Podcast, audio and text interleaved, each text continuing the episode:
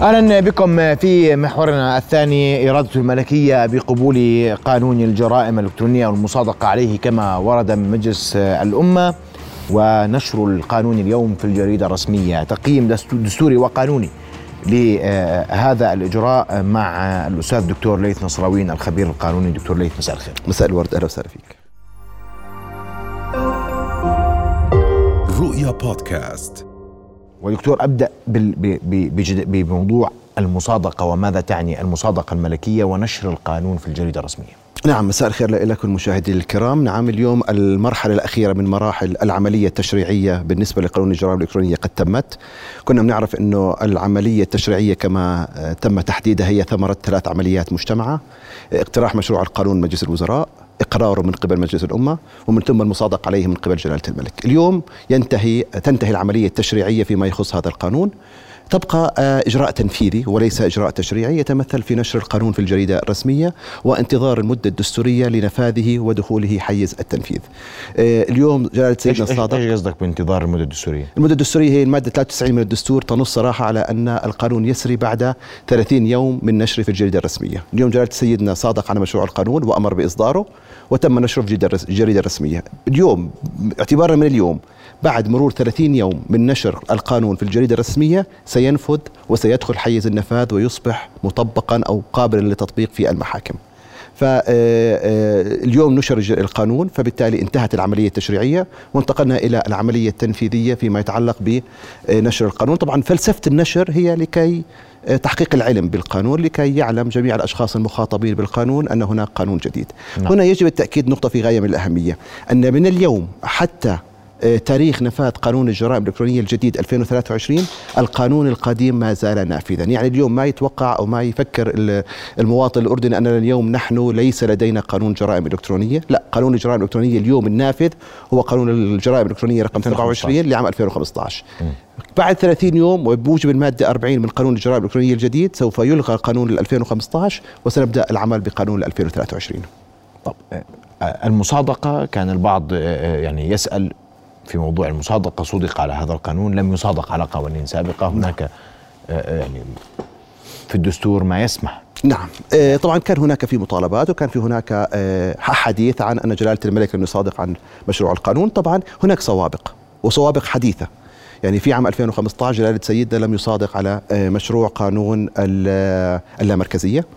أيضا في عام 2014 جلالة سيدنا لم يصادق على مشروع قانون آه، تعديل قانون التقاعد المدني. لكن هناك اختلاف ما بين قانون الجرائم الإلكترونية والقانونين السابقين. وين الاختلاف؟ الاختلاف بينهما كالآتي.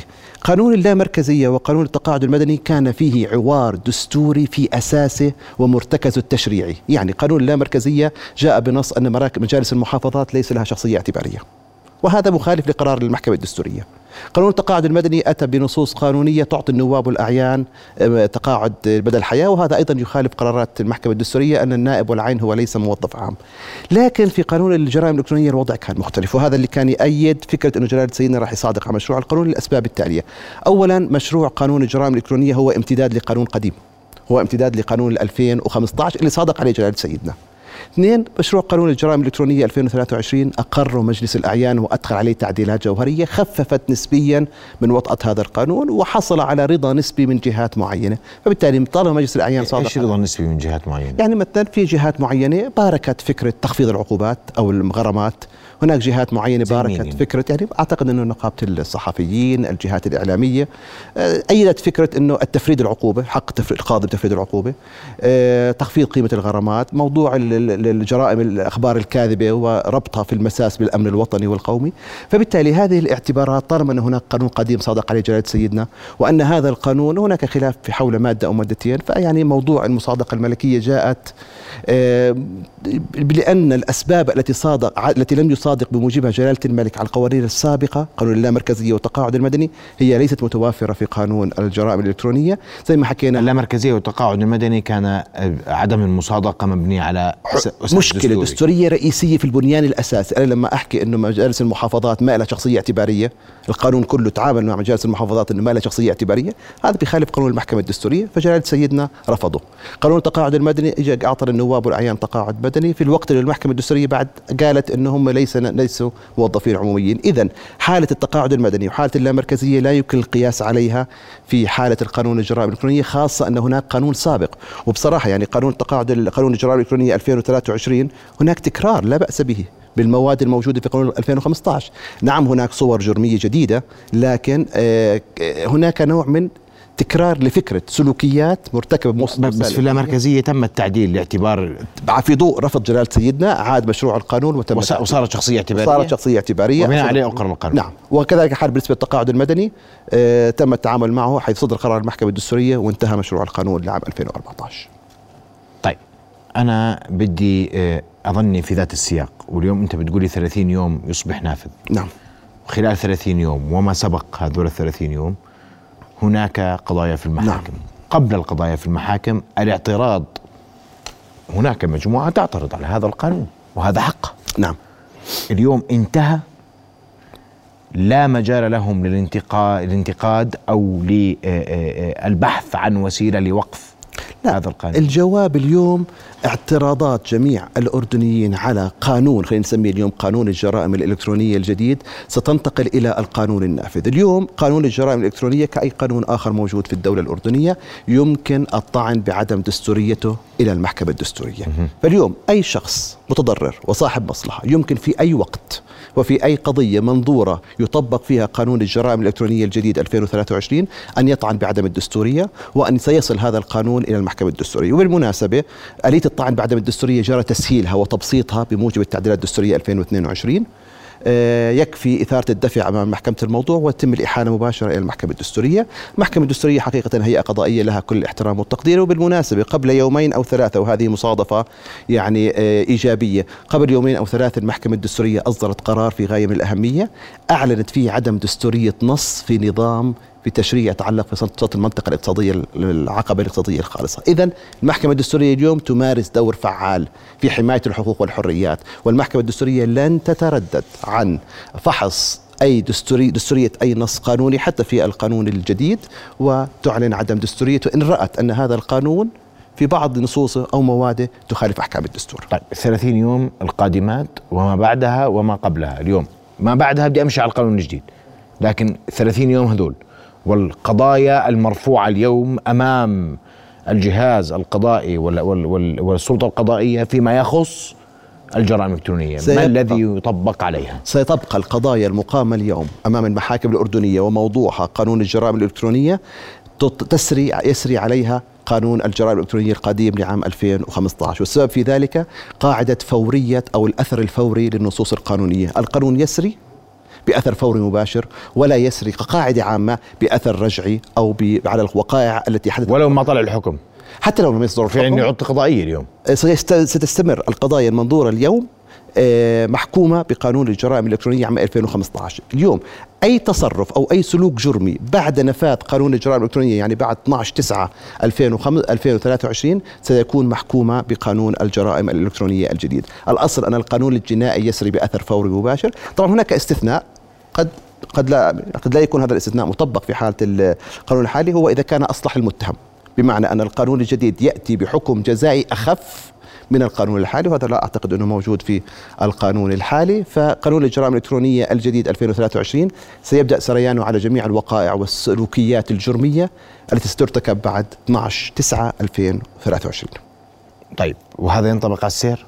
لأنه كمان قانون السير. وقانون السير أيضا نفس القاعدة القانونية السريان بأثر فوري مباشر. اليوم ما يرتكب من جرائم آه، بموج آه، أو مخالفات بموجب قانون السير ما زالت القانون السير النصوص قبل التعديل. النصوص المعدلة في عام 2023 لابد من سريانها ودخولها حيز النفاذ لكي تطبق على الأشخاص الموظفين يعني أسألك سؤال.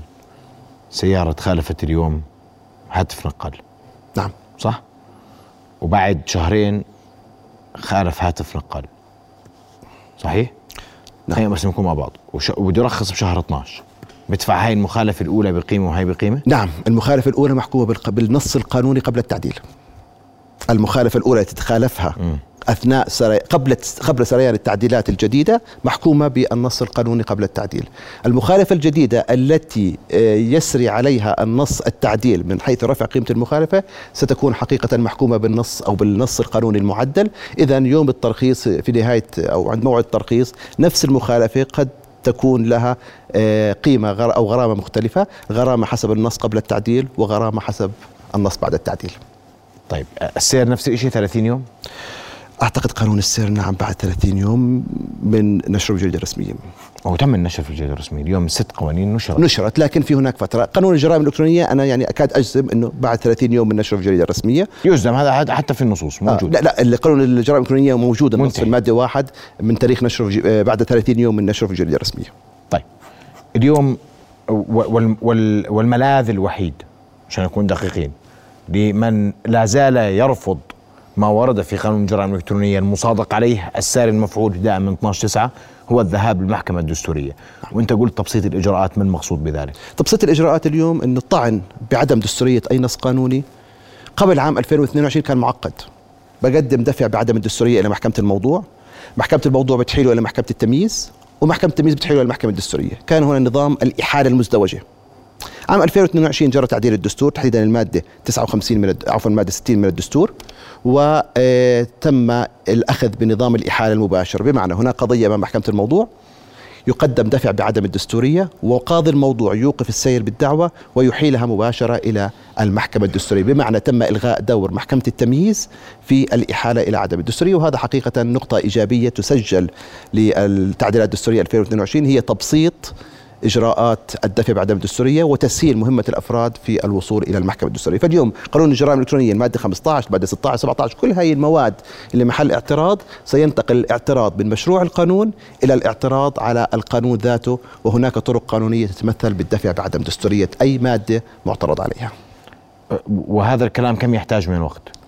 نفترض دفع غدا بعدم دستورية هذا القانون وهذا ممكن ولا ولا يجب أن ننتظر حتى يصبح ساريا في 12 آه طبعا لا لأن اليوم بالدفع بعدم الدستوريه يجب أن تكون هناك دعوة قضائية موضوعها أو مطبق عليها قانون الجرائم الإلكترونية، م. قانون الجرائم الإلكترونية سيبدأ تطبيقه في المحاكم في 12 9 2023 بعد هذا التاريخ أي دعوة أو قضية جزائية يحاكم أي شخص بموجب قانون الجرائم الإلكترونية بإمكانه تقديم دفع بعدم الدستورية تحال الدعوة إلى المحكمة الدستورية وخلال 120 يوم قانون المحكمة الدستورية ألزم المحكمة الدستورية أن تفصل بالدفوع بعدم الدستورية خلال 120 يوم من تاريخ ورودها. إذا يعني خلال أقل من ثلاث أربع أشهر تكون المحكمة الدستورية قد بتت في أي دفوع تتعلق بعدم دستوريه القانون سواء مادة 15 أو 16 أو حتى المواد اللي هي محل جدل. وبالمناسبة يعني كمان آه، ظاهرة إيجابية حقيقة أن يتم الاشتباك مع المحكمة الدستورية لأنه في هناك نوع من تحقيق العدالة. يعني أي مواطن يشعر أن المادة 15 لا تزال تمس حقوقه وحرياته تحديدا المادة 15 من الدستور هنا يأتي دور المحكمة الدستورية للتحقق والتثبت من أن القانون لا يخالف أحكام الدستور وأي قرار يصدر عن المحكمة الدستورية بالمناسبة هو قانون ملزم لجميع السلطات والكافة. إن رأت المحكمة الدستورية أن المادة 15 أو 16 من القانون الجرائم الإلكترونية تخالف الدستور هنا يجب على المشرع القانون أو المشرع العادي مجلس الأمة أن يتدخل وأن يعدل هذا النص مباشرة. فبالتالي ما زال هناك ملاذ أمام أي شخص يعترض على القانون أن يبدي اعتراضه ويصل هذا الاعتراض إلى المحكمة. أما قرار المحكمة الدستورية إن صدر فهو ملزم للجميع دون استثناء. دون استثناء ويتم ينهي النزاع. يعني أي مادة اليوم نتكلم عن عدم دستوريتها سواء حرية الرأي أو الاختيار الشخصية أو كذا توصل المحكمة الدستورية. المحكمة الدستورية تقول أنها دستورية ينتهي النقاش إلى الأبد. طيب. أنا بدي أشكرك كل الشكر دكتور ليث على وجودك معنا. وأنا بدي أسمع بس رأيك أنت هل هناك من هل هناك ما يمكن الدفع به أمام المحكمة الدستورية عدم دستورية هذا القانون قبل أن أنهي هذا المحور. شوف سيدي أي قانون ينظم الحقوق والحريات دائما يثور تساؤل. هل هو ينظم الحق أم يقيده؟ النصوص الدستورية تحيل ممارسة الحقوق والحريات إلى القانون. الأصل القانون أن ينظم الحق. إن شعر المواطن أن الحكومة أو أن الجهة التشريعية قد تجاوزت حدود التنظيم إلى حدود التقييد هذا القانون يمكن القول بعدم دستوريته لكن المحكمة الدستورية اليوم هي صاحبة الولاية العامة في الحديث حول الدستورية من عدمها. أشكرك كل الشكر الأستاذ الدكتور ليث نصراوين الخبير القانوني آه، والدستوري. شكرا جزيلا على وجودك. معنا إلى رؤيا بودكاست.